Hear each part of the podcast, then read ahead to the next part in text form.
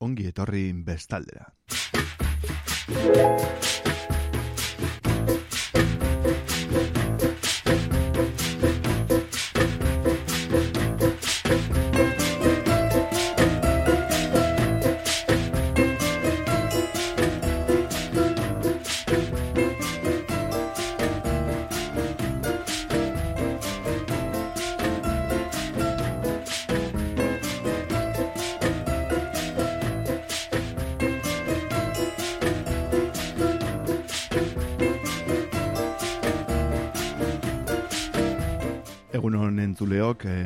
Martxoak hogeita iru egun ditu gaurkoan, astelena da, eta gaurkoan ere Donostia Kulturako egunek itxita jarraitzen dute, zer modu zaude bestalde horretan, e, espero dut ondo egotea, aldik eta ondoen egotea opadizuet, Jon Carlos dut izena eta badakizue ordu eta ardiz, aritzen arela egunero, deka irratiaren sintonian.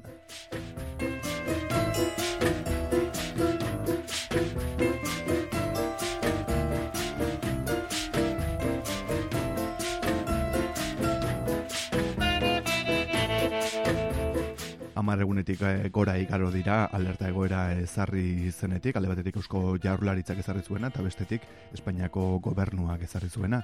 Eta debeku horrek eh, segitzen duen bitartean, ba hemen segitu ko dugu bakoitzak bere etxean eta bertan bera geratu harko dute kulturekitali guztiek.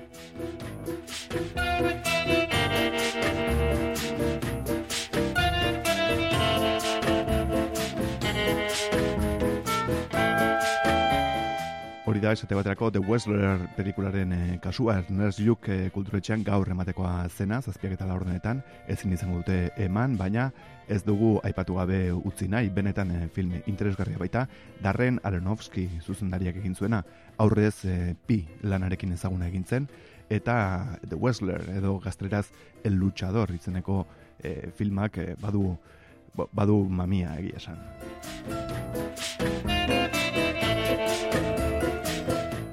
Randy the Ram Robinson eh, wrestlingeko borrokalari profesionala da. Laurogeiko amarkadan izarra izan ondoren, bere karrerarekin jarraitzeko asmoa du zirkuito independentean, hirugarren kategoriako ringetan borroka eginez. Karreran zehar eh, jaso izan dituen kolpe pasatien ondorioak nozitzen hasten denean, bere bizitzan eh, ordena apur bat jartzea erabakiko du. Alde batera utzi zuen alabaren gana, Stefaniren gana gerturatzen saiatuko da, eta pakardadeak gainditzen saiatuko da striper batekiko, kasi direkiko sentitzen duen maitasunarekin. Esan bezala bertan bera geratu da, baina topatzerik bali maukazue, edo ikusterik bali baduzue, beretan eh, komendagarria da film hau, The Wrestler, Mickey Rourke famatuarekin. Eta segitan entzungo dugu dabadaban bertan bera geratu den kontzertu bat, e, Levitation Room izena du taldeak, aprilaren birako zegoen programatua, eta ezin izango dugu zuzenen entzun, baina entzungo dugu hemen bestalean irratian. Kantuenek izena du Friends. Thank you.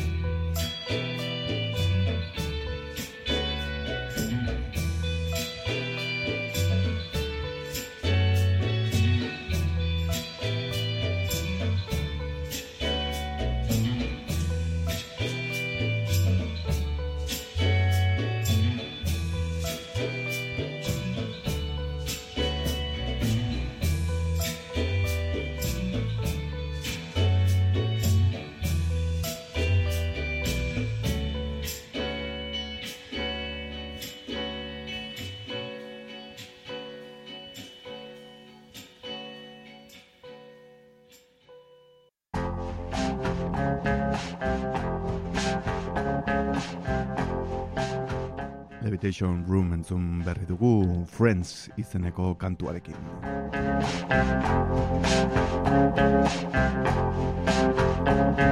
aurrekoan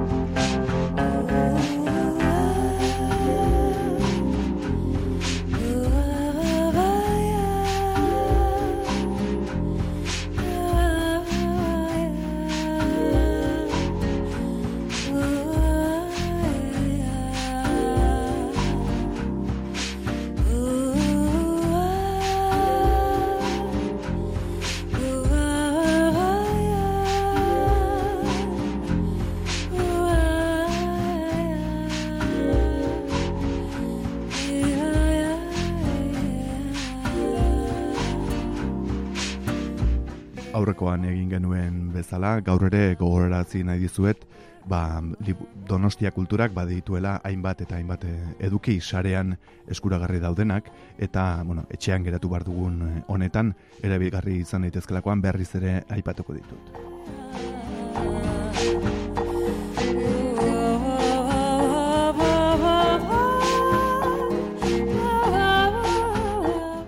dio Donostia Kulturak e, plazatutako oharrak egun bereziak ari gara bizitzen COVID-19 virusaren krisia dela eta gure zentro guztiak itxita daude, baina baditugu sarean zuentzako erabilgarriak izan daitezkeen eh, aukera batzuk.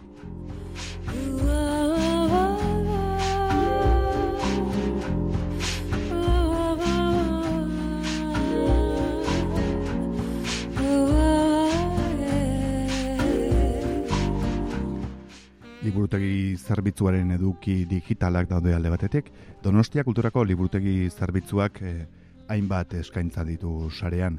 Batetik, e-liburutegia, erabiltzeko sarbidea, e, are gehiago erraztea erabaki du Eusko Jaurlaritzak, bertan hogei mila liburu eta amabos mila film daude eskuragarri, baita audio liburuak ere.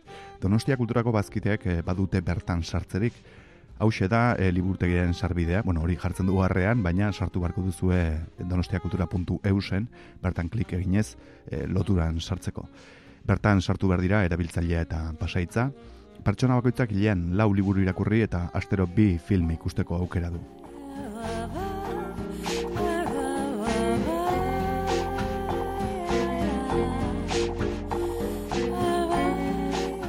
Mailegu digitalaren atalean, bi minutuko bideo tutoriala, tutoriala duzu, zerbitzuan nola erabiltzen den eh, jakiteko.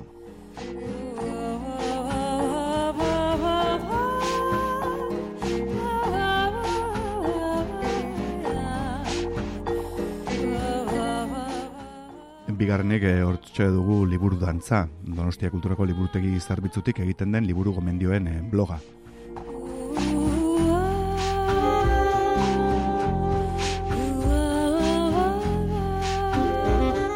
Liburu dantza dela korretan e, eh, proposamenak aurkituko dituzu, heldu zein aurrentzat.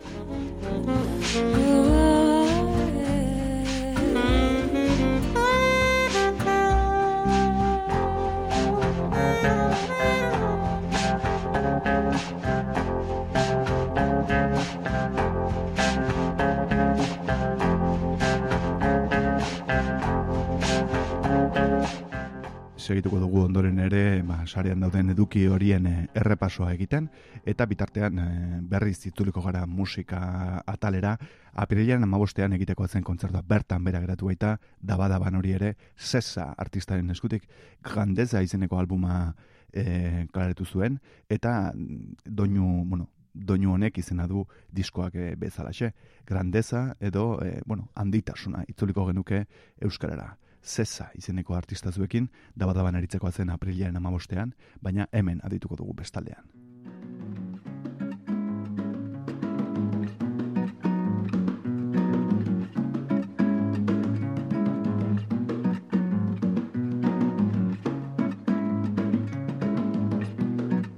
Minha grandeza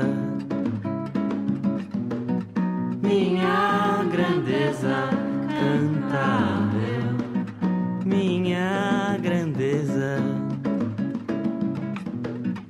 minha grandeza cantar. Meu irmão, minha mulher, que sonhos o sonho dos mais perigosos Meu irmão, minha mulher, me dê a mão. Eu não sei de muito, não. Eu não trago a solução.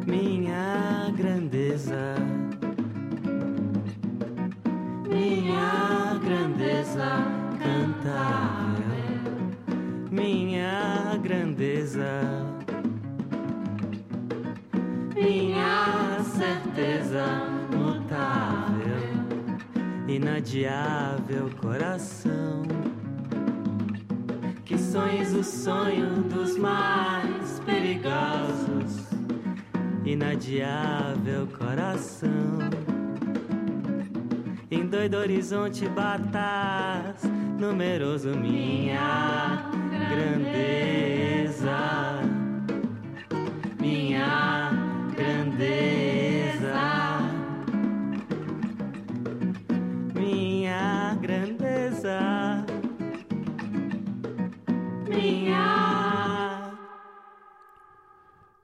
Grandeza edo handitasuna zeza artistaren e, doinua entzun berri duguna, daba daban aritzeko atzen apirilaren amabostean, baina bertan bera geratu da noski ekitaldi hori ere.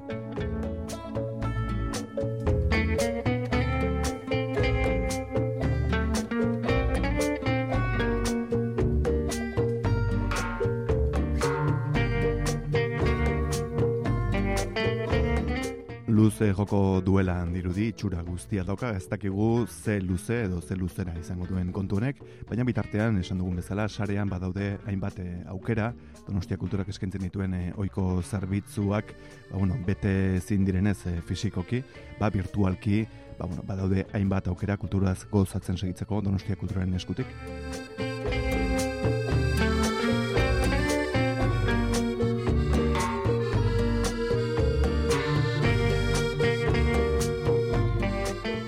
Badago libutegi digitala izeneko zerbitzua ere Donostian e, emeretzigarren mende amaieratik mila batzion da hogeita amaseiko ustaila bitartean argitaratutako prentsa ikusteko sarbide digitala.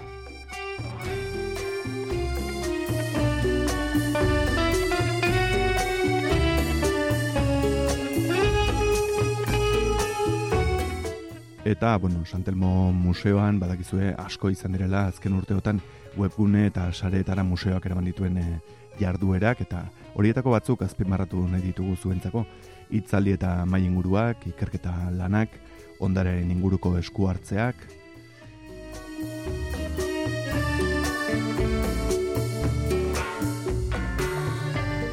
Santel Museoa itxita egongo den egun, egun hauetan, eduki digitalak eh, proposatuko dizkizuegu etxean igaroko ditugun orduetarako baliabide gisa.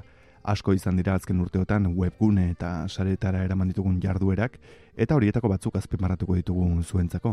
Esametzala itzali eta mai inguruak, ikerketaranak, ondaren inguruko esku hartzeak eta abar.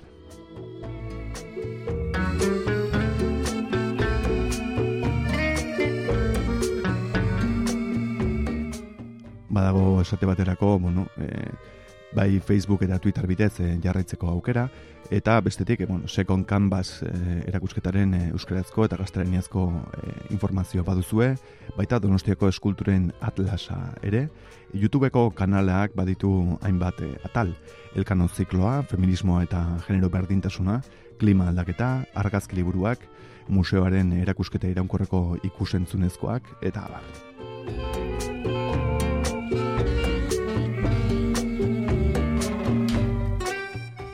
iBox eh, podcast eh, plataforma digitalean ere baditu bi kanal Santelmo Museoa kalde batetik, Santelmo Museoa zerrenda, elkanon zikloa, argazki liburuak, historia, arkeologia eta bar. Eta bestetik Santelmo Museoa erronkak, desafioz izeneko itzaldi sorta eta benetan interesgarria dira hemen askotan jarri izan ditugunez. Klima aldaketa, feminismoa, Europa eta bar.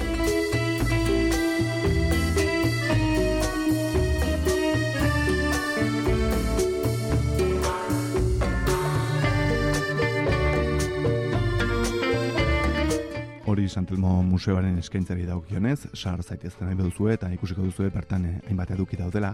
Gaur bertan, eh, bueno, atzo ere jarri genuen zati bat eta gaur bigarren zatia jarriko dugu, itzali peneten interesgarria zaintzari buruzkoa, gara jauetan E, bueno, behar duen eh, besteko indarra hartzen ari dena, konturatzen ari bai gala hori dela ba, bizitza guztiaren e, oinarri, ezta?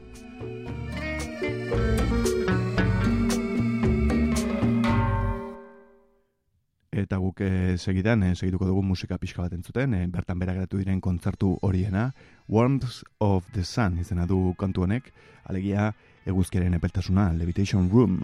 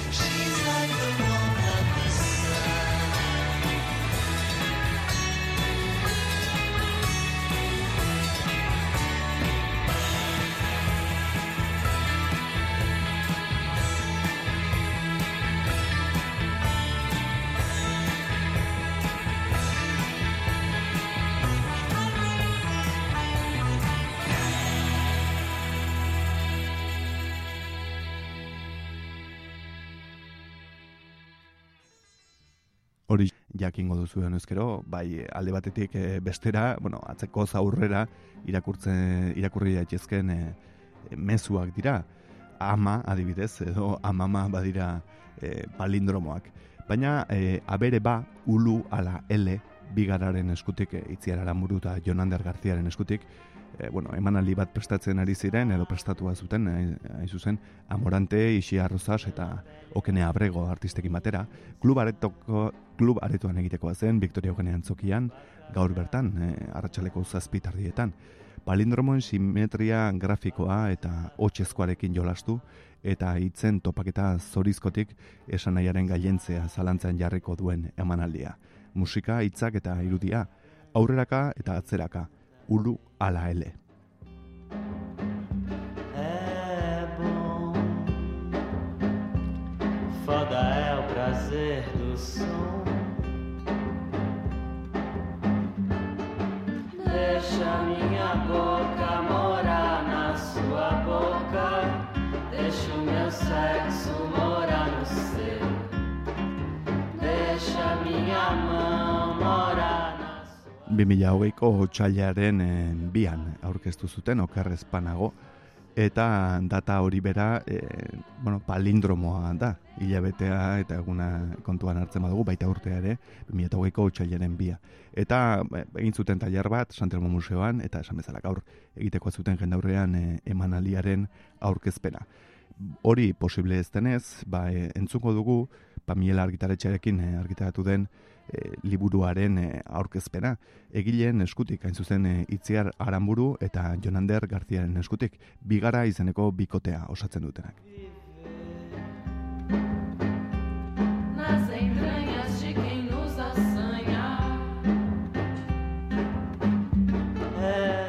Eta hemendik e, Marcos Jimeno zenari, ba, gure aitortzarik e, ondiena eta dagoen tokian dagoela gure miresmena. Marcos, palindromo gile aparta.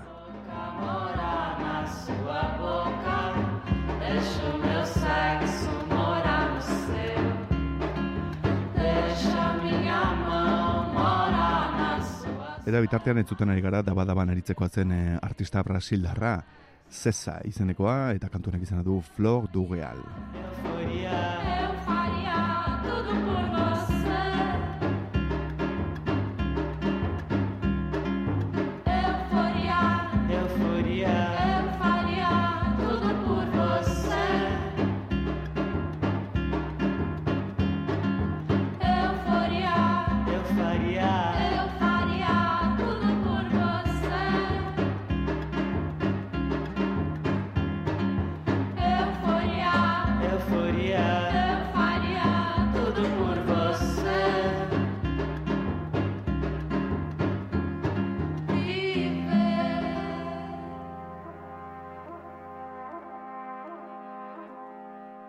Entzun dezagun beraz, abere ba liburuaren e, aurkezpen hitzak e, bigara bikotearen e, eskutik. Hemen bestaldean, Donostiako kulturzalen irratsaio mutantean. asko Jose Angel eta Jose Gazto ditzegatik, eta nire bueno, Santel hori baita aukera gondateagatik. Eta esaten, esaten aipatzen zuen dimensio grafiko hori bai irudi eta hitzetan garrantzitsua denez, gure aurkezpena proiektzio, irudien proiektzio bidez egingo dugu, hitzak ere irudi bezala ahal izateko. Eta, eta liburua zertan datzan azaltzeko, irudien proposatzea izugu. Eh, lehenik, ba, bigara gubiok eta palindromoekin eta bueno, eta eta liburu honekin eh, izan dugun prozesua. Gero, palindromo ilustratuen tiztegitik ibibidea, hau dira liburuaren hiru eta baita ere gainera kronologikoki modu horretan eh, sortu ditugu. E, palindromo, bueno, agertu da, ez, ba, hori, esker, e, eskuin eta eskuin ezker berdin irakurtzen den hitza, ondoren egin ditugun irudiak, eta, eta sortu dugun izteri izteri hori, eta gero liburua bere osotasuna. E, abere ba, e, bai dutzen hori, ba, sormen tresna bezala edo, ez? E, ikusten dugu, eta, eta agian, bueno, agian ez dula palindromoen gaiak, ba, agian euskeraz ez horrelako garapen euki, e, Katalunian adibidez e, asko zaratuagoa izan da, eta, eta jolasaren edo esperimentazioaren e, ideia azpimarratzen du. Bai dutzaigu, proposamen ludikoa da, baina azkenean horretzen badagola hizkuntza beraren inguruko hausnarketa bat. Ez edo, baita, edo batez ere, lehen Joseak aipatu duen, esan nahiaren gailentasun horren inguruko hausnarketa. E, bueno, aurkikuntza, liburuetan aurkikuntza asko da, sorkuntza, baino gauza asko ez dira aurkitu dituguna, hor zaudelako, eta gu bildu ditu. Eta, eta nolabait, ba, bai e, horrelako mm, teoria edo zalantza sortu zaigu hizkuntza ez dutenan aberen gandik. Ez? Bai hitzak, e, izkiak beraiek ere, eta hizkuntza. Eta baita hizkuntza bi norabidetan, liburu bezala, bi norabidetan irakurri daiteken zerbait bezala. Ba, eh, Itziar eta biok eh, bigara bezala lan egiten dugun eh, artista, kote, kode sortzaile bezala bi urtetikan, karriko batean gabiltza, bai arte plastikoetan, bai diseinuan ere, eta, bueno, orain montan e, liburu batekin ere. E, aspaldian egin e, ba, palindromikoak bai gure hortan, eta aspaldian gebiltzan horrelako ispilu egiten duten irudiekin eta e, objektuekin gauzekin eh, intrigatu da, ez? Ba, eta askotan eh, esan hori dugu, ba, gure, gure artean, ba, eh, bikote eh, tandem buruan lan egiten dugu, ez? Tandem sortzailea, eh, tandem neko berezia batzutan, eh, ni aurrera begira eta itzia atzera begira eta leku guztietara begira, bueno, palindromo kontutan bera, bai da ere, ba, oso, oso jaioa. Eta, eh, xabea, aipatu bezala, pues, liburuaren prozesua, bilurtetako prozesuak izan da, eh, eta beti genbiltzan gure kuaderno txoekin aurrera, atzea, palindromoak hemen, geri gudia, eroien definizioak, eta oso prozesu intenso izan eta gure artean, hartu eman, horretan sortu dena, ez? Eta horrela sortu da, bai, eh, lehendabizi, eh, palindromoa, gero, hoien irudikapen bat egin genuen, eta azkenik palindromo hoien definizio fantastiko bat. Orduan, palindromo hitza eragian ez dugu ezaguna, baina kapikua bai, zenbakiekin erabiltzen. Eta euskerak berez, badu palindromoa sortzeko potentzialitate bat. Ez ba, arra eta eme hitza palindromoak dira, ama eta mama baita ere, orduan esaten du, semea gara horiek nola ez dira palindromoak izango. Eta gero badu behitz oso politak, aizia, ez ez da aizia, palindromoa da, zurru burruz, edo azpi hitza bera. E, esan gero, ikua, eta du bezala, ikua eta guztana, katalanezko hitz horrek, ze izenek, ze hitzek dute bere baita burua eta guztana, ba, animalien izenek. Eta zinen bileketa hori, animalien izenetan egiten ba, ari, akaro, aker, bare, guzti horiek izpiluan jarri eta kontrolatu ginen beste hitz bat izkutatzen zutela beraien baita. Euska bat, e, bifronte edo retro, binora bidetan irakurri zitezken hitz horien hartzea. Orduan, palindromo hauek aberetan ere aberatxagoak ziren. Eta, adegarria, bueno, egia esan txundigarria diruzitzegun, ze, hasi ginen bat, bi, iru, zerrenda osatzen, eta aker horreka ekilibrista den animaliaren zat. Asto, hotxa, barrantza gozen egiten duen e, aberia eretzat. Nola bai, e, animali hori kualifikatzen zuen ez, edo aleria ibela, ba, alegitako pertsonaia nagusia dena. E, egia da, palindromo laburra hauetan, ederra dela, bere alakoa dalako, e, bai, hots, hotsaren simetria ulertzea eta irudia, ez irudi moduko simetriari ulertzea ere. E, bueno, modu honetan, bai, bat animalia palindromo bildu ditugu. E, batzuk, ezin batzuk ezin izan dute bildu man sartu, baina benetan, e, bueno, ira bakoitzak badauka bere, bere dira. E, aberea modu honetan ere, e, izkuntzaren metafora bezala, e, ez azkenean jogintza, azkenean, bikote hauetan, ez dago lotura, esan nahitik datorren lotura bat, erabat formala da, hau, koinzidentzia da, itzauek elkarrekin egotea, kasualitatea edo nundik dator. Eta, eta hor dago, ez dugu, azkenean ere beti esanaiari edo esanai bat bilatzen dugu, ez? Eta hor da, nolabait hizkuntza edo hitzak etxekotu edo gureganatu edo aberetu nahi dugula, ez? Ba, bere hor hitzaren Eta hau da bidea, ba, e, atik zetara antolatuta datoz, eta bere guztiak. Ja, ba, egin du norduak, bariko moak, eta hori ba, itxura bat, forma bat egituzak nahi genitu, eh? irudikatu nahi genitu.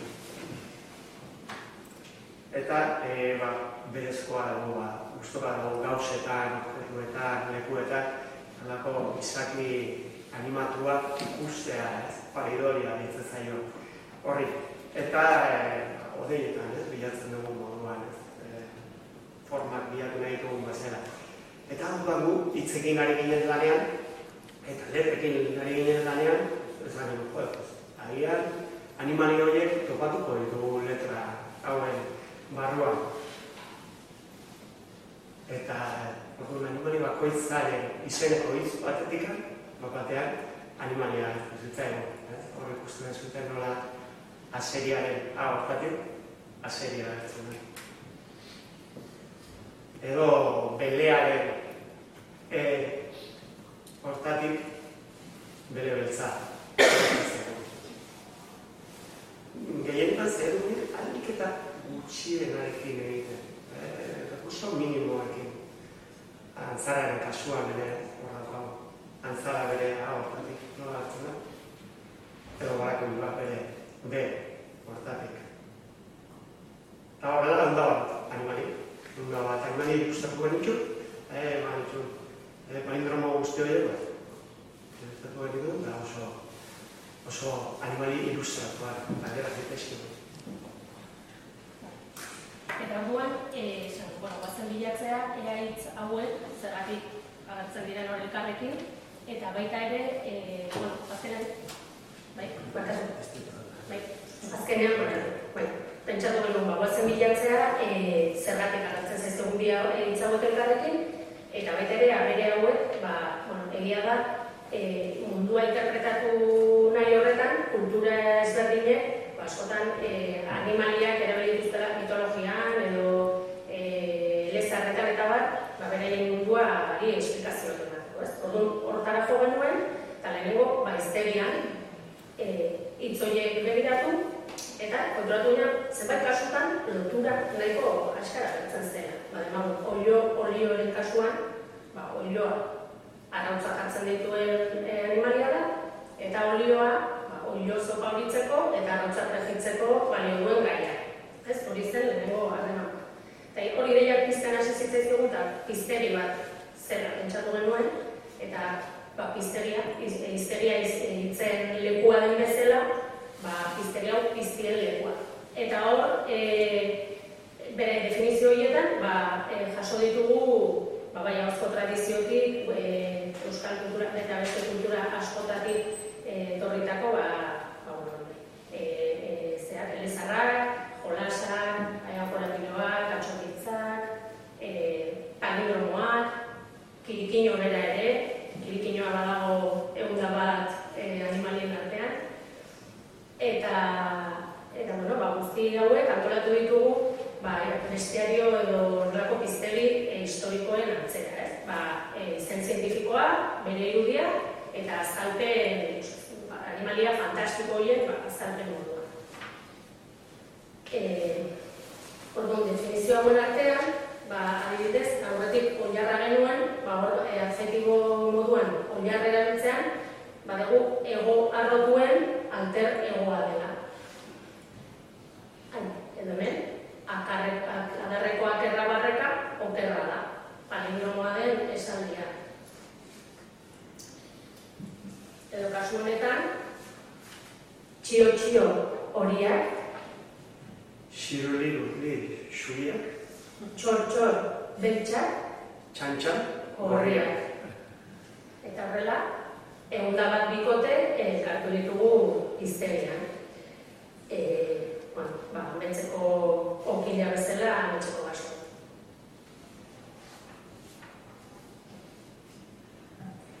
Eta horrela ja, liburua forma hartzen ari zen. Eh, bueno, zeindutako liburua, eh, kario egindako liburua, eh, eta, bueno, liburu berezia, eta eh, simetrian pentsatutako liburua da. Bai, simetrian, asara eta kontrasada, baina gero barnean ere, ba, bueno, badaukagu atik zeta daukidea, zetatik ara ere badago bezalean daukidea, itzaurrea den itzatze bat, besalean itzatzea den itzaurre bat. Baita ere badaude bi, bi kuitxo, eh, horrelako, eh, magiko batean edo eh, asaltzen dutera animali guzti hauen historia eta nola sortzen duten hizkuntza eta eta gero ere eh, badaude ba, bi palindromo luze. Eh, bi palindromo luze pues, horrelako, poesi, poetiko batean edo eh, ba, animalien manifestuko bat e, egiten dute e, ba, e, modu palindromikoan. E, ba, Euskara zeretzako palindromo luzeena. E, Eta, bueno, esan bezala, ba, irakurketa eta, eta sormena lantzeko, eta euskera zidatzikako da, euskeratik eta euskera. Euskera da, itzul ezina e, liburu bat. E, Eta hori bai esatea, e, prozesu honen une desberdinetan, ba, abere lagunak edo izan ditugula gurekin, egia esan gure gertukoen artean, ba, hitzetan, hitz jolasetan eta ba, jaioak diren e, bueno, ba, pertsona batzuk badauzkagu eta bueno, ipatu eskerrak eman nahi dizkigu. Hemendik ere, e, isia rozasi, ba, hasieratik abereak zain duten ikatu ditulako, gero Joxara Garziak adarrak zorroztu dizkie. E, Joseba Osak ba, horraztu ditu, eta baita ere, bueno, beste lagun asko pere jolaztu dut berekin, hemen zaudetu egitako batzuk, ba, Xabier Aramendi, Arkaitzkano edo Iñaki Barzinak, ba, baita ere irakurketak, edo, bueno, beraien, beraien, e, ekarpenak ere egin dituztelako. Eta, bueno, esan, e, abere hauek gizarteratzeko, e, ba, momentu egokia topatu behar denun. Eta egutegian begiratuta, ba, ikusen edo, 2000 hori, 0-2, 0-2, ba, egun kapikua, bazet horrela. Eta hau, ez da inoikoa, hori zortzi urte badira, egun kapikuari ez dugula izan. Eta urte gainera oso egun kapikoa berezia. Urteko gehieta mailu garren eguna delako, eta irureun da gehieta mailu egun faltako dira urtea bukatzeko, eta hori bisiestoa delako gertatzea. Orduan, bueno, bai, bande hau da, nola bai, e, aberea, ba, bizkat, e, eratuko dire undura, ez eratuko, egun batzuk lehenago ere aukera izango dugu ezagutzeko, baina hola markatu dugu egutegian egun hori, eta honekin batera, ba, e, Santiago Museoan, amaika bere kapikua izkutatuko dira e, erakusketa iraunkorrean zehar, e, beraien palindromoekin. Euskara ibiltaria erakusketa behin, e, e, erakusketaren arira, ez ba, gure abereak ere ibiltare jarri dira, eta eta hiru astez, otsailean hogeita bederatzi arte, ba, osoan bisitatzeko aukera izango da, eta eta baita ere tailer bat, e, itzaldi tailer bat, e, emango dugu hemen baita ere, museoan otsailaren amabian. E, bueno, guk egia esan asko, bueno, okerago ere, martxoan bai erakusketa bat izango da, eta beste aurkezpen musikatu bat, hori aurrerago e, da. Eta hori izatea asko, asko, asko gozatu dugu, e, bueno, aberekin egon nik kostatu zait. Erabakitzea ja forma finko bat duki behar zutela. E, asko gozatu dugu prozesu osoan zer, eta espero dugu orain zuek ere, bai, buruarekin gozatzen. Ba, hama.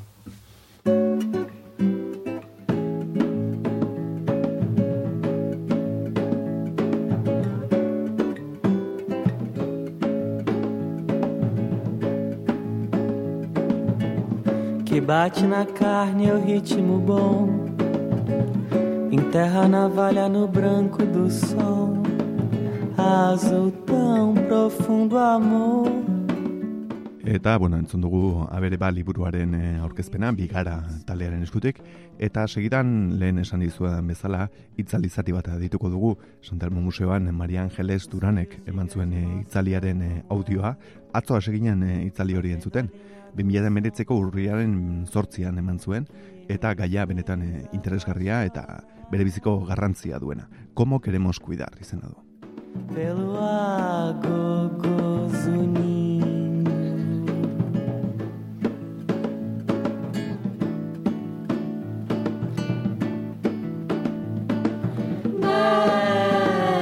total, os filhos de Gandhi são dez total. Dez total izena du album, eh, album honek edo parkatu kantu honek, albumak grandeza izena baitu eta artistak Cesa. Dez total, os filhos Gandhi são dez total. Dez total, os filhos Gandhi são dez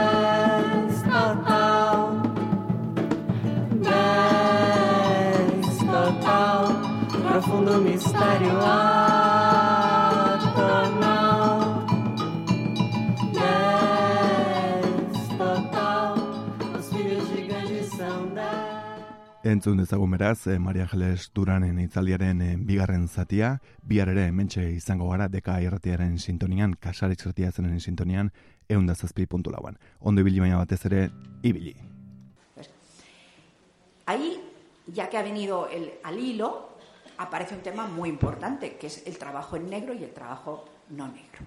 Si a un trabajador del cuidado le dicen, ¿tú qué prefieres? ¿Cobrar en neto o, en bruto? ¿Qué contesta el trabajador? Depende de las circunstancias del trabajador. Porque en muchos casos ni siquiera lo más importante es lo que cobras, sino los derechos que van vinculados a lo que cobras y sobre todo a lo que no cobras. Si tenemos en la administración pública que gran parte de los eh, servicios son por baremo, que no son tabla rasa, ¿quién se lleva el, el puesto gratuito? Por ejemplo, la plaza de la guardería. ¿Quién se la lleva? El que presenta una declaración de la renta más baja. Si van dos trabajadores, vamos a suponer dos trabajadoras del cuidado, vamos a suponer ambas casadas y con un marido que cobre lo que sea. Y entonces llega una que lo está haciendo en negro y otra que lo está haciendo en blanco. Entonces llegan a pedir la plaza de la guardería y la que lo pide en blanco le sale, por ejemplo, que está ganando la familia, o sea, el hogar, que está ganando 2.000 euros al mes. Y luego llega la que lo hace en negro y sale que está ganando la familia 1.200 euros al mes. ¿A quién le dan la plaza de la guardería? A la que lo ha hecho en negro. Entonces, hay una proporción importante de trabajadoras del cuidado que dice, no, porque la seguridad social no me añade gran cosa, porque lo más importante que es el cuidado durante la enfermedad, estoy cubierta familiarmente. Entonces, si mi empleador me dice lo que te pago en seguridad social, te lo descuento en el total, porque yo puedo pagar hasta aquí, pero no más. Si cobras de seguridad social, entonces no te lo pago del otro. Pero si no quieres cobrar la seguridad social y prefieres no cobrar, entonces eso te lo puedo dar en negro. ¿Qué ha pasado desde que ha empezado con el convenio de la OIT que pide que se trate a los trabajadores del hogar exactamente igual que a los demás, aunque da un plazo de aclimatación? ¿Saben lo que ha pasado, no? Pues lo que ha pasado es que se ha destruido una gran cantidad de empleo. ¿Dónde ha pasado ese empleo? En unos casos ha desaparecido directamente, porque los empleadores, que son familias, parejas jóvenes con niños o personas muy mayores, han dicho, pues hasta aquí llegado, es que no puedo pagar más. ¿Me dicen que te lo mereces? Claro que te lo mereces. No niego que te lo merezcas, que te mereces la seguridad social, que te mereces la antigüedad, el paro, que te lo mereces todo. Pero yo tengo la pensión que tengo y más no puedo pagar. Así que o lo coges o lo dejas. Y entonces, parte de las familias, una buena parte, simplemente han prescindido del trabajador que les ayudaba para cuidar. Y otra parte de las familias lo que han hecho ha sido, y en muchos casos a demanda del propio trabajador, ha sido, no, no, a mí la ley que diga lo que quiera, a mí me interesa más seguir en negro. Porque la guardería de los hijos, si la tengo que pagar, son 400 euros y tengo dos. Dos guarderías gratis son 800 euros. Por mucho que usted me pague más, si voy a perder los 800 euros porque no me van a dar a mí la plaza, que ahora me la están dando porque cobro en negro, entonces no me interesa para nada. Así que a mí o en negro y sin seguridad social o no sigo trabajando con usted. Entonces, yo no estoy hablando de casos particulares, estoy hablando de algo tan así, tan, tan neutral como ir a los datos de la encuesta de población activa y ver qué ha pasado desde que ha empezado a decirse que se va a aplicar a los trabajadores del hogar exactamente en las mismas condiciones que a los demás trabajadores. Pues que se ha destruido una cuarta parte del empleo, que en parte se ha destruido del todo y en parte no se ha destruido, pero ha desaparecido porque se ha sumergido. Si yo fuera, por ejemplo, dirigente sindical, diría, ya, pero es que hay muchos que han mejorado mucho porque eran trabajadores que no tenían derechos de esto, que estaban y ahora tienen un contrato visible y han mejorado mucho. Pues es verdad, es verdad. Hay una parte de los trabajadores del cuidado, empleados de hogar sobre todo, que han mejorado mucho gracias a la perspectiva de convertirse en un trabajador igual que otro cualquiera, con los mismos derechos y las mismas obligaciones. Sí, es cierto. Pero cuando la oferta de trabajo es una oferta restringida y precisamente los mayores demandantes de cuidados son personas que tienen rentas muy bajas, ¿quién ha podido asumir la subida de los asalariados? los hogares con rentas altas. A los hogares con rentas altas le dices, no, no, mira, es que no vamos a subir el 23% el salario mínimo, lo vamos a subir un 50%. ¿Qué hace el hogar de las rentas altas? ¿Va a prescindir del cuidador familiar o de la empleada de hogar? No, porque tiene suficiente margen como para decir, le pago los 900 y además, si sube hasta 1.200, también se lo sigo pagando. Pero ¿qué pasa con la señora que he dicho al principio, que tiene una pensión como media de 700 y pico euros? Si sube más el salario mínimo que la pensión, cada subida del salario mínimo significa que los sectores con rentas más bajas, que son sobre todo personas mayores, viudas y mujeres, son laminados. No puedo comprar, no puedo comprar, no puedo comprar, no puedo comprar. Y entonces la carga recae o simplemente no pueden acceder al cuidado o la carga recae sobre las hijas que lo harán gratis o sobre las hermanas o sobre las niñas. Pero me estoy poniendo muy triste. No, no, ya no, no quiero seguir por ahí, aunque todo lo que he dicho es absolutamente verdad. O sea, todo lo que he dicho es la cruda realidad. ¿Cómo se cambian las cosas? ¿Cómo se cambian las cosas? Porque no hemos venido aquí a contar algo que más o menos todos los que estamos dentro, más o menos, podemos decir la cifra un poquito más arriba, más abajo, a lo mejor no lo teníamos muy organizado, pero más o menos ya nos lo sabíamos. ¿Cómo se cambia eso? Pues va a ser una respuesta un poco decepcionante. Ya me gustaría a mí saberlo. Ya me gustaría a mí saberlo. Solo sé una cosa, solo sé una cosa. Que el tema es de tal envergadura, o sea, es tan importante la demanda que se llama la demanda insolvente. O sea, se llama demanda insolvente aquel que necesita algo pero no lo puede pagar. Mira, Voy a decir esto ahora para que no suene tan fuerte lo que voy a decir después. Lo que voy a decir ahora es, probablemente nunca se ha tenido tan buen cuidado para los que lo reciben y para los que lo dan, los cuidadores, como en estos momentos en las sociedades capitalistas avanzadas. ¿Queda claro lo que acabo de decir? Sí. Probablemente en la historia nunca hubo tal estado de bienestar, tan bien estuvieron todas las personas que necesitan cuidados y los cuidadores.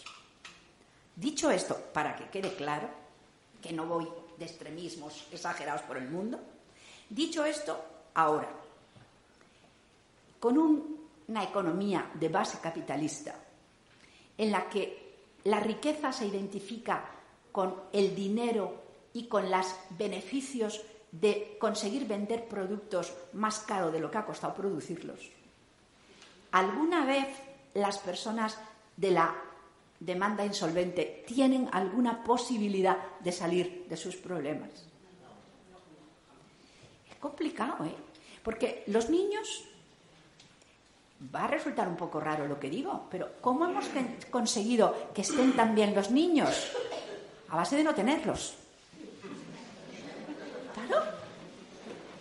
En España se necesita solamente para mantener la población que cada mujer tuviera 2,1 niños. Claro, tenemos algunas que tienen tres o cuatro. Yo he tenido cuatro. ¿eh? Eh, pero la media ahora mismo en España es 1,3. entre 1,3 y 2,1, que algunos analistas dicen que hacen falta 2,4, incluso he visto un estudio de un extranjero que decía que 2,7, vamos a suponer 2,4. Si son 2,4 y tenemos 1,3, tenemos un déficit de 1,1 hijos por mujer. ¿Vale? Así cualquiera cuida bien a los niños. Tenemos poquísimos y además la diferencia es que son niños invitados a venir. cuando yo nací, los niños no eran invitados, eran que llegaban. O sea, eran ocupas, en cierto modo, ¿no? Eran niños que llegaban por, porque llegaban, ya está, porque estaba prohibido todo y además no solo es que estuviera prohibido, es que estaba muy mal visto y la gente pensaba que tenía que tener hijos. Pero hoy, hoy no. Hoy se admite como normal, no le señalamos con el dedo a quien diga, no, no, es que yo más de dos hijos ni hablar. Bastante hecho con que he tenido dos, bastante difícil, bastante. Y empieza a haber muchísimos jóvenes que dicen que ni uno siquiera, nada, no quieren tener hijos. Piensan, pues, el mundo tiene no sé cuántos miles de millones y tenemos poco agua y poco tal. Nada, nada. Hago el favor a la humanidad de no tener hijos y así eh, tocarán a más oxígeno y tocarán a más agua y tocarán a más de todo. Entonces, sí, pues, pues el caso es que si no está mal pensado, como dice aquí en primera fila, si no está mal pensado lo que no vamos a tener los hijos suficientes ni siquiera para mantenernos, pues entonces ¿quién nos pagará las pensiones? Tenemos una posibilidad. bueno, vamos a tener nada más fábricas, que de eso Euskadi sabe mucho, vamos a tener fábricas y vamos a tener buena tecnología y vamos a producir, ¿con qué? Con robots. Y si no es con robots, ¿qué hacemos? Bueno, pues que acaben, se acaben los, los, los vascos y que nos vengan de otro sitio. ¿Y de dónde? ¿De dónde nos quieren venir? Pues yo sé de un sitio donde hay algo así como 500 millones que se quieren ir a otro sitio. Vi hace unos años un estudio que habían hecho una encuesta en ciento y pico países y aparecía que el 16% de la población mundial quiere cambiar definitivamente de país. A España estaba en aquel momento el quinto lugar de destino favorito. hicieron los cálculos allí y a España había en aquel momento, hace unos poquitos años, 35 millones de personas que impectore ya querían estar viviendo aquí. Vale, abrimos las puertas y decimos que vengan los 35 millones. Se acabó de momento el problema del cuidado. Se les paga poquísimo y tenemos cuidado todo lo que queramos. Ahora mismo, con los problemas que hay en Venezuela, se abre un consulado y ponemos pasaporte gratis para todos los que quieran venir. Mañana tenemos de momento resuelto el tema del cuidado. ¿Qué dicen mis amigos de los sindicatos? Hombre, hombre, no, me rompas el mercado de repente. ¿Cómo vamos a meter de repente a 35 millones? No puedes liberalizar las fronteras. Si nos llegan 35, ¿qué pasa con el estado de bienestar? Empezamos a, ¿A qué? Si, les pagan un salario muy bajo, no podrán pagar la escuela, ni podrán pagar los taxis, todo tendrá que ser más o menos regalado, tendremos que regalar si se les paga tan bajo, que ese es el truco. Unas familias pagan muy bajito, pero el trabajador que cobra muy bajito luego no puede pagar nada. Entonces es el primero en solicitar servicios públicos. De modo que lo que no pagamos a nivel privado lo tenemos después que compensar pagando impuestos para que se le compense a nivel público. La guardería gratuita, la sanidad gratuita, la preferencia en las listas para viviendas protegidas. ¿Cuántos encajes, no? ¿Cuántos encajes tan complicados hay que hacer? ¿Saben cuál es la diferencia de renta media entre el país más rico y el país más pobre? dentro de Europa Luxemburgo. Por ahí fuera, cada año es un país, pero son rentas mínimas. 200 veces más rico un país que otro. Mientras haya países que son 200 veces más ricas las rentas medias, porque además los países más pobres con mucha frecuencia tienen unas rentas absolutamente heterogéneas. O sea, hay núcleos muy ricos, más ricos que nosotros como media, y luego una enorme mayoría de gente pobrísima, que se muere de hambre literalmente. ¿Vale? Mientras haya países 200 veces más ricos que otros, díganme, ¿qué significa parar las migraciones? ¿Abrimos la migración para que vengan de esos países o la cerramos? ¿Qué hace un sindicato si mañana le hacen una propuesta de que abra las puertas a los que vienen de los países de las 200 veces más bajo que el más o a los países que están en guerra, o a los países que hacen eh, ablación de clítoris a las mujeres, cualquier medida. Si ustedes fueran sindicalistas y estuvieran defendiendo en un sindicato las condiciones de trabajo de los trabajadores a los que representan y les dicen, ábrele la puerta a todas las mujeres que están en riesgo de ablación de clítoris, ¿qué harían? No me contesten. Díganle, mire, en tal país no hay ninguna seguridad, están matando a la gente todos los días, la gente se quiere ir, se va en lanchas, lanchas hechas a veces de juntar cuatro neumáticos, cruzando mares que están llenos de tiburones, o donde hay tormentas tropicales, que, es arriesgadísimo. Bueno, ¿cuántos muertos se han muerto la semana pasada en el Mediterráneo? Si es, si es una tumba de agua, ¿no? Eh, si ustedes fueran representantes sindicales, ¿qué harían? A todos estos de las pateras, les decimos, ábrele la puerta, que mira que se van a, morir ahí delante de Italia. Y tú dices, ya, pero es que cuando entren, si vienen dos o tres, entran, pa, los asumimos fácil, pero si me vienen 200.000 o 300.000 o un millón o dos millones, como está Italia, como está Grecia, que dicen, oye, que es que no aguanto más, que es que tengo la gente de, de- de mil en mil hacinada en los sitios, ¿qué hago? ¿Les doy empleo? ¿No les doy empleo? ¿Les dejo por la calle? ¿Miro para otro lado? ¿Les regalo la vivienda? No se la regalo, espero. ¿Los integro? ¿Los desintegro? En muchos sitios, si pudieran, los desintegraban, evidentemente. ¿Qué hacemos? ¿Abrimos el mercado? ¿No abrimos el mercado? ¿Y, y qué esperamos de la tecnología? ¿Cómo queremos que la tecnología nos ayude? ¿Nos va a ayudar la tecnología o todo lo contrario? ¿Saben cuándo empezaron a subir los salarios? Muchísimo. Cuando la tecnología permitió producir en serie y concentradamente en un taller, una fábrica. ¿Sucederá lo mismo con los cuidados? Inventaremos unas tecnologías que se puedan aplicar, igual que, por ejemplo, la escuela, para poder dar educación a los niños, requirió un espacio de confluencia.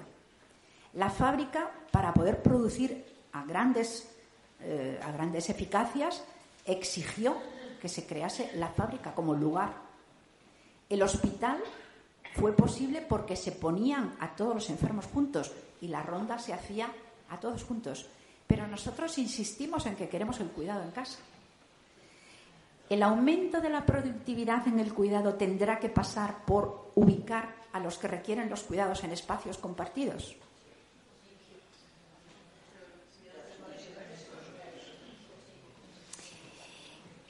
Vamos a ver. eh, sí, pero nosotros en la prensa no oigo más que defensas del cuidado en casa. Y las personas mayores que me quiero morir en casa, que quiero estar en casa, que como en casa en ningún sitio. Sí, claro, tiene muchas ventajas estar en casa si fuese la sociedad de antes. Y si tuviera cuatro hijas para que se repartieran entre ellas mi cuidado. Pero es que solo tengo una, o media, o ninguna. Es que vive en Valladolid, o en Ámsterdam, o en Sao Paulo. Es que además yo estoy divorciada de mi marido, o mi marido está divorciado de mí. ¿Mm? ¿Cuidarnos en casa? ¿O tenemos que ir a un sitio donde sea la ciudad de los que necesitan cuidados? Bueno, hubo un intento muy interesante en Finlandia donde justamente se mezclaban gente joven y gente muy mayor en los mismos barrios, se diseñaban las torres precisamente para que tuvieran eh, apartamentos de mayores, apartamentos de jóvenes, para ser. Yo voy a contar que creo que en San Telmo precisamente ha habido una, una exposición en que ha habido robots, pero yo voy a contar la cara y la cruz de la, de la tecnología en relación con el cuidado. La, la cara, muy bonito, por ejemplo. En Japón tienen una especie de foquita que se parece casi a un peluche y que la tiene mucha gente porque tiene soledad, porque tal, y porque la foquita está equipada con un montón de cosas que si te da el infarto, la foquita te puede ayudar, porque conecta inmediatamente, etcétera, etcétera. O sea, animalitos robots que te son agradables, que los tienes contigo en lugar de tener un perro que hace guau guau. Estos, además de guau guau, que si quieres hacen guau guau también, pero aparte de eso pueden, yo sé, traerte cosas, acompañarte y, y dar avisos, sobre todo de muchos tipos, eh, como con relojitos que parpadean, oye, que es la hora que no te has tomado la medicina de la antitensión, todas esas cosas. Bueno, lo otro lo he visto hace cuatro días y nada más lo he visto por internet, en pantalla, en el, tele- en- el ordenador. Entonces es un perro que tiene aspecto de perro, robot, robot perro, pero las articulaciones a mí me recordaban más a un saltamontes, porque eran así como largas y un poco más rígidas, ¿no? Entonces el, el saltamontes este, lo primero que empieza, es, un, es en plan divertido el, el, el vídeo, el saltamontes empieza lo primero a bailar, le ponen música y entonces empieza con las patas simpático, hace su show de- de- de- del baile y se- se tumba en el suelo al lado de otro robot que toma el relevo. Entonces este robot empieza bajando escaleras. Baja las escaleras sin ningún problema. Me lo imagino dando la mano a alguien o la pata, dando la mano a alguien para bajar las escaleras donde no hubiera una balaustrada. Después atraviesa una zona de polvo, luego una zona nevada con muchísimo frío, después se hace de noche y entonces del, robot perro le salen unos rayos verdes que va viendo perfectamente de noche, o sea, vale. Y claro, no lo vi en el vídeo, pero lo siguiente, pues el perro viene y me da un vaso de agua, el perro me dice no sé qué, y el perro avisa a mis hijos que me da un patatús, lo que sea. Ya están drones funcionando en hospitales, haciendo rondas. En la agricultura, en estos momentos, en los sitios en que está la agricultura más, avanzada, ya no se siembra, no se corta y no se eh, hace la lucha contra las plagas, nada más que poniendo un dron que va guiando un tractor que está mecanizado. Y las ovejas las empujan también, lo que sea, o las estadulan en muchos casos. Bien, vale, el cuidado le vamos a esperar que venga una tecnología en nuestra ayuda, no ya esa, el botoncito que tenemos ahora, ¿no? Un botoncito para del pánico, para avisar, o un teléfono. Bueno, eso ya son naderías, no es nada. ¿Cuántos puestos que ahora están desempeñando trabajadores, o sobre todo, cuántos puestos familiares pueden ser sustituidos por un módico precio de un robotito que me descargue de una gran cantidad? ¿La calidad va a ser la misma? Evidentemente no. Pero tenemos otra opción que no sea descargar gran parte y confiar en la máquina. Ahora les voy a poner una cosa que, uy, ¿cuánto rato me queda? Ya tenía que estar acabando. Uy. Bueno, les iba a hacer una descripción muy breve. Vale, pues una descripción muy breve de lo que estos, en estos momentos nos da la tecnología en relación con los últimos momentos de la vida. Y si ustedes no lo saben, porque a lo mejor hasta ahora nadie se lo había dicho, pero lo más probable es que todos ustedes, todos, todos, todos, todos, incluida, todos acabemos nuestra vida convertidos en algo así como un cyborg. Un cyborg es una mezcla de robot y persona, ¿no? Los cyborg. Bueno, si creen que estoy exagerando, lo único que tienen que hacer es irse al primer hospital grande que tengan cerca y conseguir que les dejen entrar en la UBI. Cuando entren en la UBI verán filas de pacientes que están eh, esperando, porque habrá una fila chiquita de camas, que son los pacientes que se van a recuperar, porque han tenido una intervención quirúrgica, en fin, algo, por ejemplo, una apendicitis. Una apendicitis te la curan, pasas un rato en la UBI y para casa y estás igual de bien que antes de haber tenido el ataque de apendicitis. Pero eso ya no es la enfermedad característica de nuestra época. La enfermedad característica de nuestra época es la degenerativa y que no se cura. Entonces, nuestra evolución va así. Hoy estoy así de bien y de repente, vamos a ver, estoy así de bien, tengo una bajada, me recupero, pero un poquito peor quedo que la anterior. Me mandan para casa, al cabo de un tiempo, otra recaída, me recupero, otra vez para casa, pero ya ha quedado un poco peor que la anterior. Cuando ya estoy más o menos por aquí de mal, entonces voy a la UBI. Y en la UBI empieza la tecnología. Si hoy no queremos morirnos, no nos morimos, prácticamente. Porque hay tecnología que suple todas nuestras funciones vitales. Que yo tengo mal el corazón, o un trasplante, o ponerme descargas de, eh, no sé cómo se llama, nitroglicerina me parece, con unos parches que te ponen aquí que hacen plaf y te sueltan una descarga que les que espabilan al corazón de momento. Que no me funciona, que no soy capaz de respirar bien, que no consigo coger oxígeno, un tubito chiquito. Un tubito chiquito conectado con una mochila que puedo ir por la calle y ir tirando. Ahora, cuando empeore un poco, ya con la mochilita por la calle no puedo ir, entonces tengo que estar en casa con una especie de bombona o con una máquina. Y cuando ya estoy mucho peor, que ya estoy en la UBI, entonces tengo al lado una máquina que está haciendo todo el rato fu, fu, fu, fu, y me está metiendo aquí. Como ya no es suficiente, entonces me ponen una máscara que me impide totalmente la comunicación. Y al cabo de unos días, por protocolo médico, entonces me hacen una traqueotomía porque ese tubo de oxígeno me está quemando y hay riesgo de infección. Entonces me harán la traqueotomía. Como ya estaré mal, pero lo pueden arreglar, entonces me conectarán con la máquina que me ayudará a que la orina salga. Entonces estaré conectada por otro tubo a una, a una bolsa en la que va saliendo. Por aquí, como tendré escasez de una serie de elementos químicos, entonces, insisto, no tienen más que ir a una UBI, entonces en, la UBI está llena de rieles en el techo, llenos de frascos, y de esos frascos salen tubos, y esos tubos van a parar a su mano, que tiene una vía con tres o cuatro agujeritos, y por cada agujerito le está cayendo un frasco conectado con un- con un tubito. En uno le entra una cosa, en otro le entra, en otro le entra otra cosa. Vale, a lo mejor no hace falta que siga, pero les pongo un caso, por ejemplo, no sé si han oído hablar de una chica italiana muy joven que tuvo un accidente, se llamaba Eliana. Estuvo 17 años en el cajón tecnológico. Cualquiera de nosotros, puesto que la tecnología avanza cada día y no son capaces de suplir nuestras funciones vitales, podemos, estar, lo que yo digo metafóricamente, cruzando la laguna Estigia sin llegar a término durante años. Porque un avance tecnológico significa que el proceso de, de cruce de la laguna Estigia se alarga en un mes, dos meses, un año, dos años, cinco, diez años. Eso es la ciborgización del final de nuestras vidas. ¿La tecnología nos ayuda en esos casos o no es una ayuda? Tenemos que controlar esa tecnología y decir, hasta aquí quiero, a partir de aquí no quiero. ¿Cuánto tiempo tardaremos en poder tener la autonomía de decir eso no, eso sí, eso depende, eso en qué momento? Pues no lo sé lo que tardaremos, pero cuando hacemos planes, bueno, y se acabó. No quiero decir más cosas de lo triste. Ahora mismo, pues un papel fuera y que quien quiera que lo firme.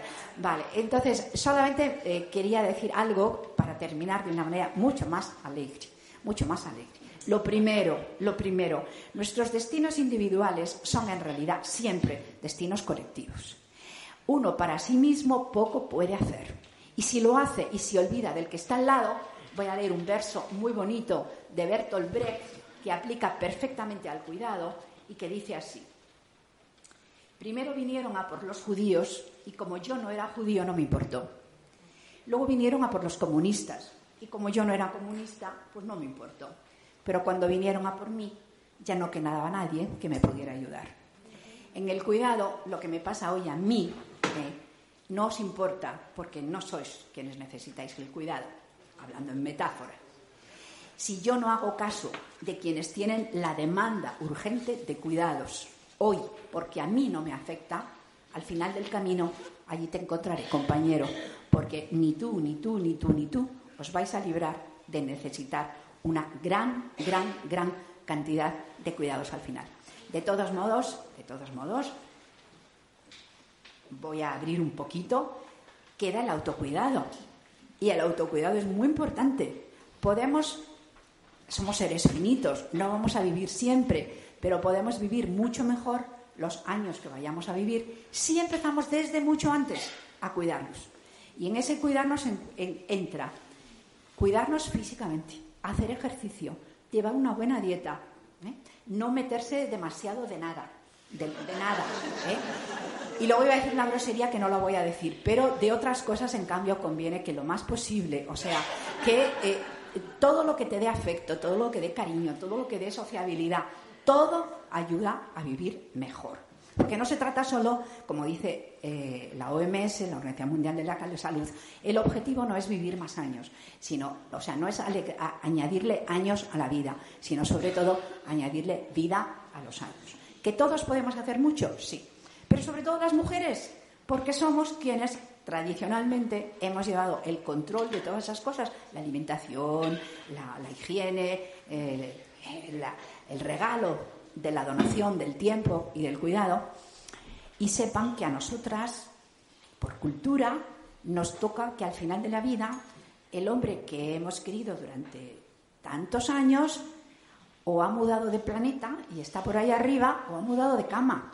¿Eh? Y entonces es altamente probable que al final de la vida, cuando más cuidados necesitamos, resulta que ellos están muy bien atendidos porque se mueren antes, han ganado dinero, lo han podido administrar y sobre todo porque se han agenciado para tener una compañera o en primera o en segunda o en la que sea eh, sucesión que les cuida. Y nosotras tenemos que empezar a ser muy inteligentes porque sabemos que si ese compañero de toda la vida, por todo lo que he dicho, nos va a fallar, tenemos que estar ya, ya, desde ya, desde mucho antes, cuidando todas las demás formas posibles, todas las redes, todas las amigas, todas las hermanas, todas las hijas, todos los hijos, todos los hermanos, todos los compañeros, también, también, también, no nos olvidemos, ¿eh? pero todo lo posible para encontrar soluciones, porque la que hemos heredado, ¿verdad que no nos gusta demasiado?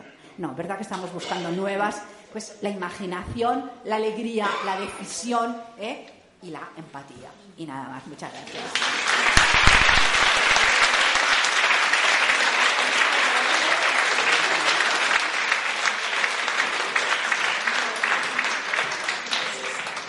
Bueno, eh, abrimos un turno por si hay alguien que quiere preguntar algo. Si queréis preguntarle algo a María Ángeles. A ver.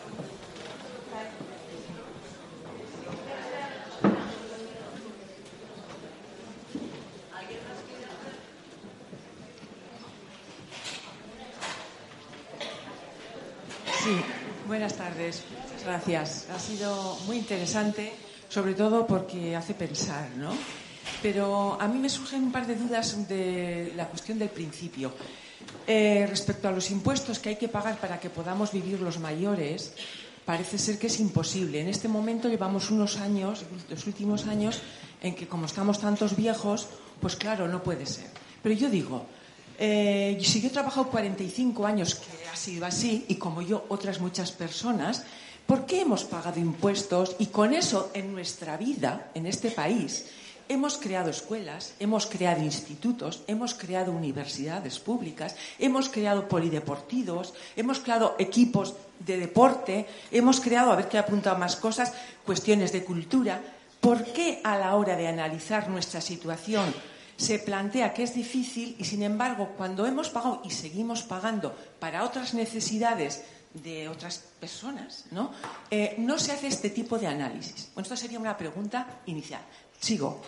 Eh, por ejemplo, eh, sí, cuando qué había que hacer con cuando decimos es que van a venir millones de personas de, de Asia, de África, etcétera. Bien, ¿por qué no analizamos también lo que estamos esquilmándoles? Porque claro, eh, el coltan, por ejemplo, en África, pues, pues es que les estamos esquilmando. Antes eran brillantes y eran otro tipo de cuestiones, pero ahora es es- este tipo de otras necesidades otro tipo de materias primas que ellos tienen y que nosotros vamos a esquilmarles. ¿Por qué no analizamos que aquello hay que resolverlo allí para que no vengan? ¿no? Bien, esa sería otra segunda pregunta. Y luego, mm, por lo que hemos hablado, por lo que he hablado de, de las, de las diálisis, etcétera, o sea, parece que es necesario movilizarse para conseguir. Quiero decir que a mí lo que me queda claro, aparte que me he quedado como para tirarme al río, ¿eh? me ha sido un poco. Sí, que es que me he quedado un poco como que, joder, qué duro es todo esto, ¿no? Es que lo mejor no vale, no vale vivir, ¿no? Pero entonces, lo que también me ha quedado claro es, no sé, eso quiero preguntar, que nos tenemos que movilizar porque todo eso podemos hacerlo, podemos conseguirlo, porque la tasa Toby, que ya se olvidó, porque tenemos todas estas Googles y todo eso que no pagan impuestos, porque el otro día aparecía en la prensa, pero ahora, aquí en el diario Vasco, ¿eh? o sea, no en no sé qué prensa, pues una serie de empresas que están en el IBEX y en todo eso, que no pagan impuestos, que pagan un 5%, un 10%. ¿Nos tendremos que movilizar? Esa es otra pregunta a partir de, todo esto. Gracias.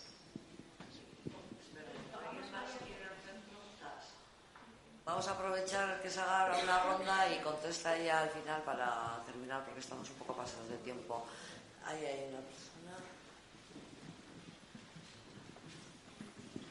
A, esta señora que ha hablado se le ha olvidado el tema de las pensiones. Yo digo que que, ahora que vienen unas elecciones, al Estado o a los partidos hay que decirle que hay que equiparar las pensiones de las viudas a los viudos. Porque si yo me muero, a mi mujer le quedan 50. Si se muere mi mujer, a mí me queda entero. Y eso es lo que tenemos que decirle a los partidos.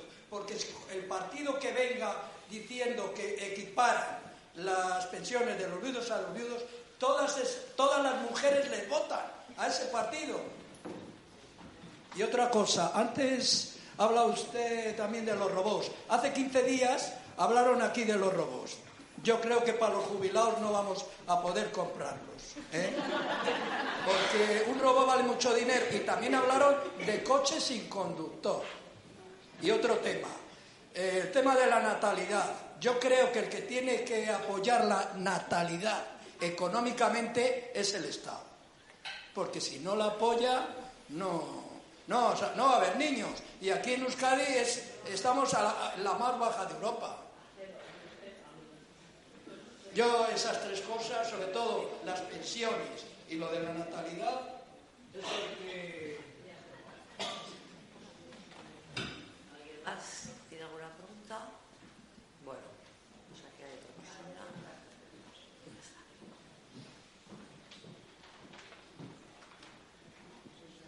Eh, yo más que una pregunta, darte las gracias por estar aquí. Para nosotros es un privilegio haber escuchado y haber estado en una charla de esta magnitud como con su persona.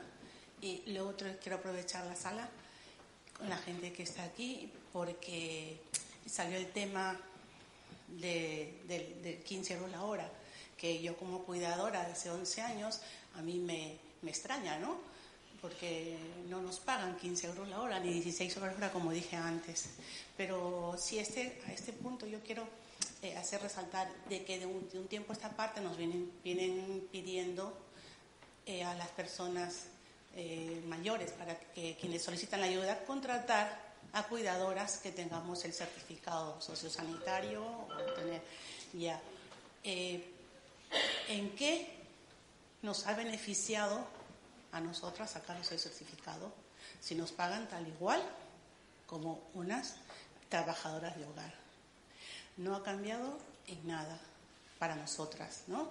Sin embargo, ahora que nosotros vamos en todo trabajo, exigen ahora el certificado, ¿no? ¿Para qué? ¿Para, para que nos den mejores condiciones laborales? No. Sigue igual.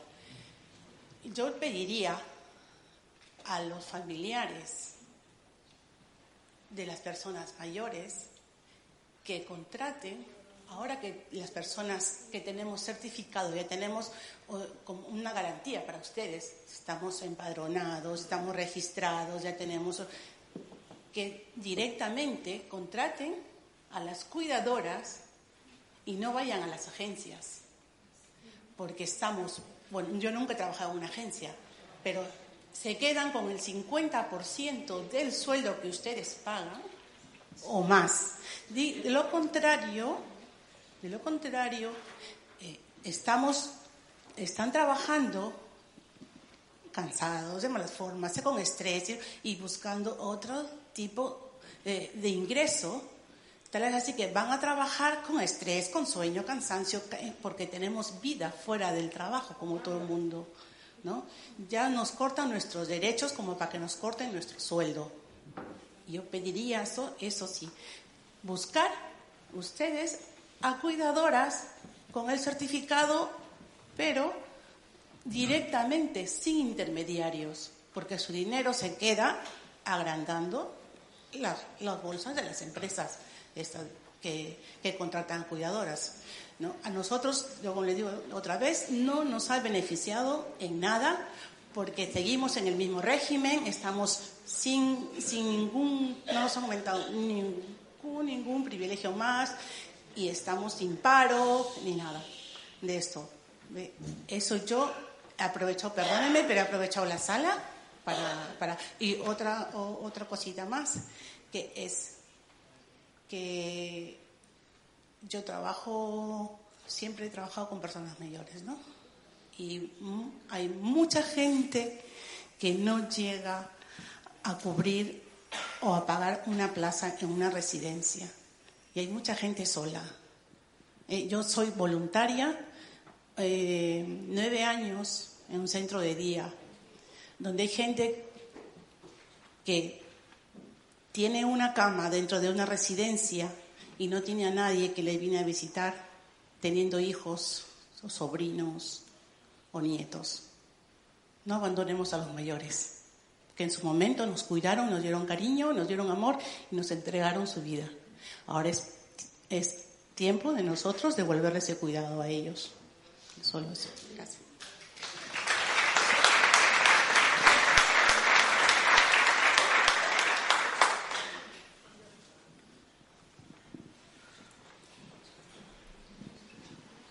Vai ser uma pergunta muito curta. Temos opção de não cuidar, de não querer cuidar.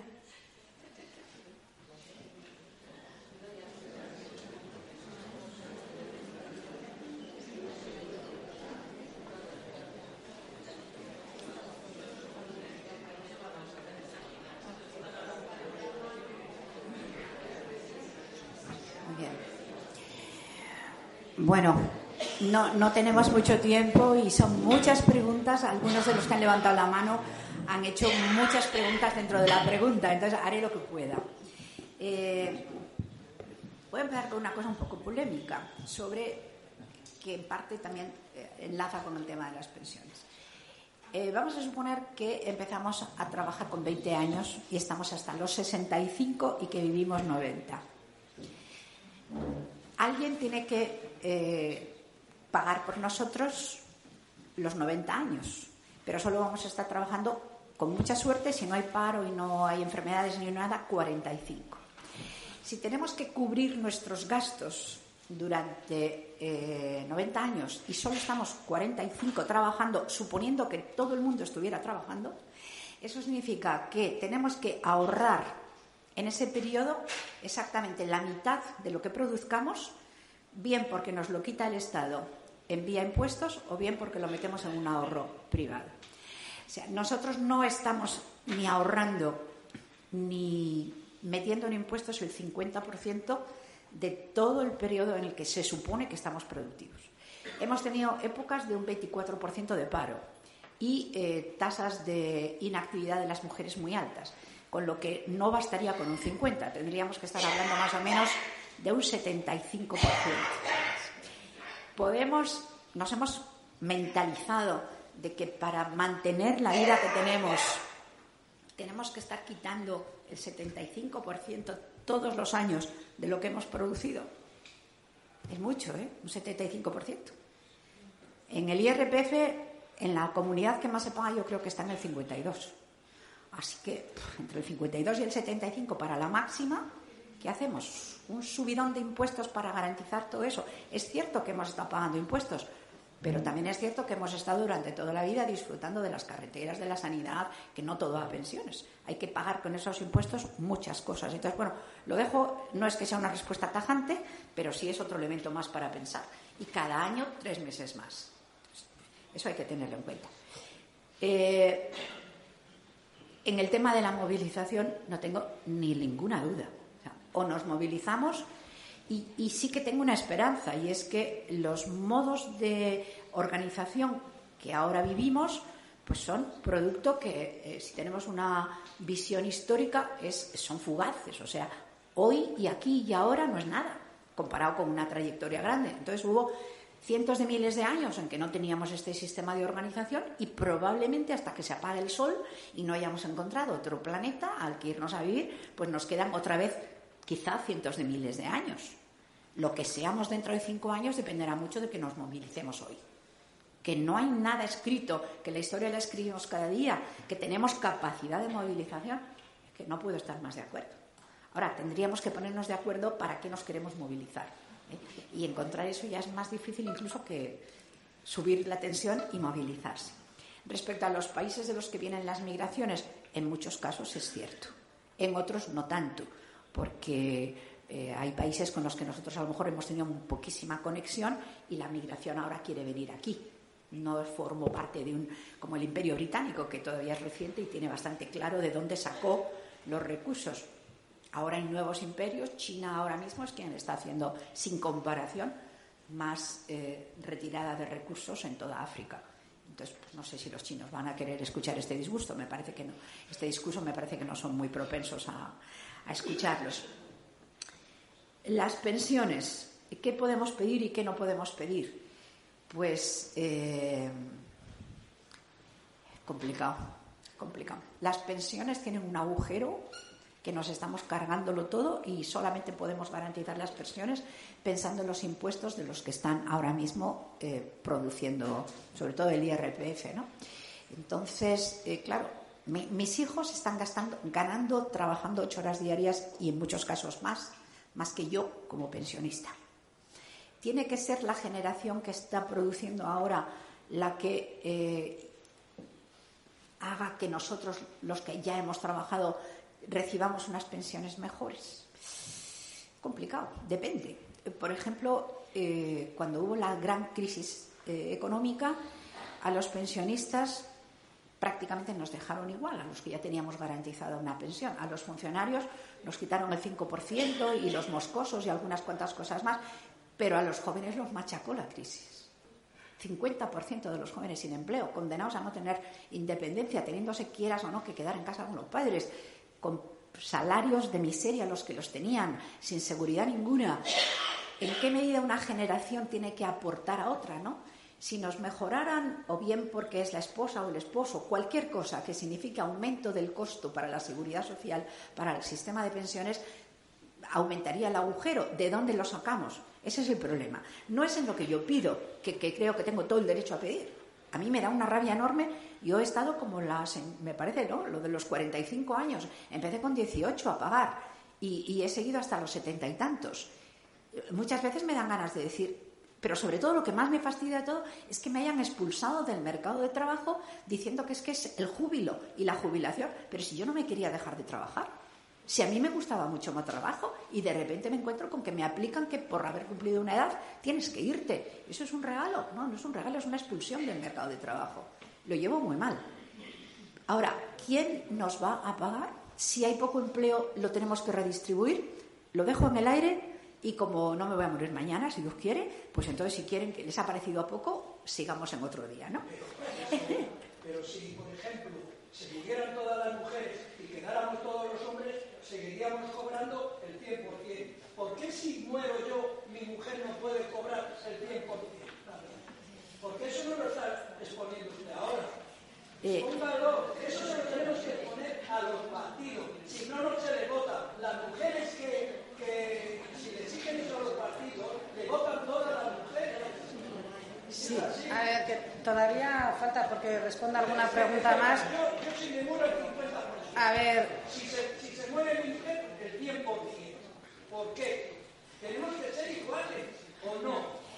Sí, sí, sí, sí. Eh, pero, bueno, no, no voy a entrar en contar cosas personales, ¿no? Pero mm, yo he perdido a mi esposo y no cobro nada de él. Yo entro en su defensa. Pero eso merece, merece un monográfico y yo creo que no sería cortesía. No sería cortesía dedicarle más tiempo ahora porque todavía estamos esperando y nos están enseñando ya la puerta que hay que, que, hay que cerrar. Entonces, otro día seguimos con ello. Todos los jubilados que tienen pareja, ninguno se casa. Claro, claro, claro. Que sí. Vale, sí, seguimos.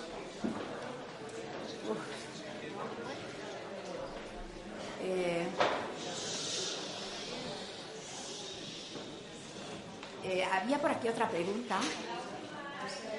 Ella era la última, pero había otra más que me parece que no estoy contestando. Ah, es la, la superúltima, la superúltima. Sí, sí, sí, sí. Yo creo que es verdad que muchas veces se supone que por ayudar y mejorar la calidad del cuidado se exigen más y más y más condiciones, ¿no? Entonces, eh, en eso y en muchísimas cosas, haber hecho un esfuerzo para formarse más no tiene ninguna repercusión inmediata en que se pague mejor o se trate con cualquier tipo de reconocimiento a la persona que ha hecho el esfuerzo. Lo sé que es un problema, que hay muchas mujeres haciendo convalidación de, de- para ese certificado o haciendo cursos. La ley de dependencia lo, lo intentó, que fuesen trabajadores más especializados, pero el problema ha sido justamente que si la especialización conlleva aumento de salarios, entonces eh, aumentan los precios y el, presupuesto entonces se reduce. Se paga más a algunos y se paga a menos gente. Y entonces en casi todas las administraciones públicas han dicho, prefiero pagar a más gente y pagar menos a los cuidadores, no reconociéndoles cosas o mirando, mirando para otro lado. Entonces, usted tiene razón. eh, hacen un esfuerzo y sin embargo no son recompensados con él. Le diría que en este momento el mercado de trabajo español no recompensa en absoluto el trabajo de los jóvenes universitarios.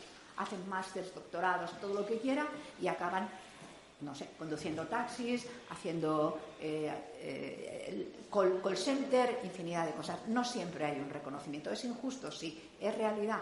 También. La movilización, el único recurso para casi todo.